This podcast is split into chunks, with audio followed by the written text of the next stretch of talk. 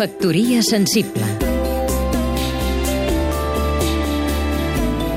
Maria Mercè Roca, escriptora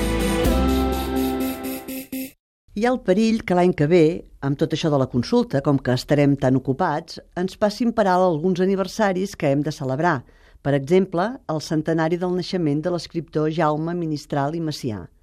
Per sort, potser per allò de feina feta no té destorb, a Girona ja hem inaugurat, aprofitant les fires, una gran exposició i l'Ajuntament ha editat un llibre que té el contingut i el tarannà just perquè els qui no el coneixen el coneguin i els que l'havien oblidat el recuperin.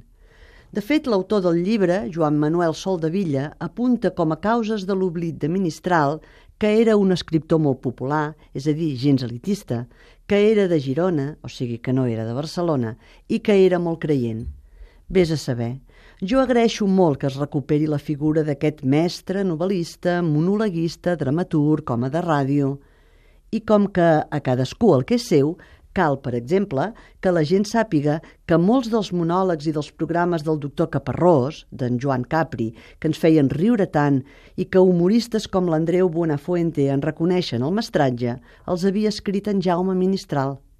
Ministral era molt bona persona.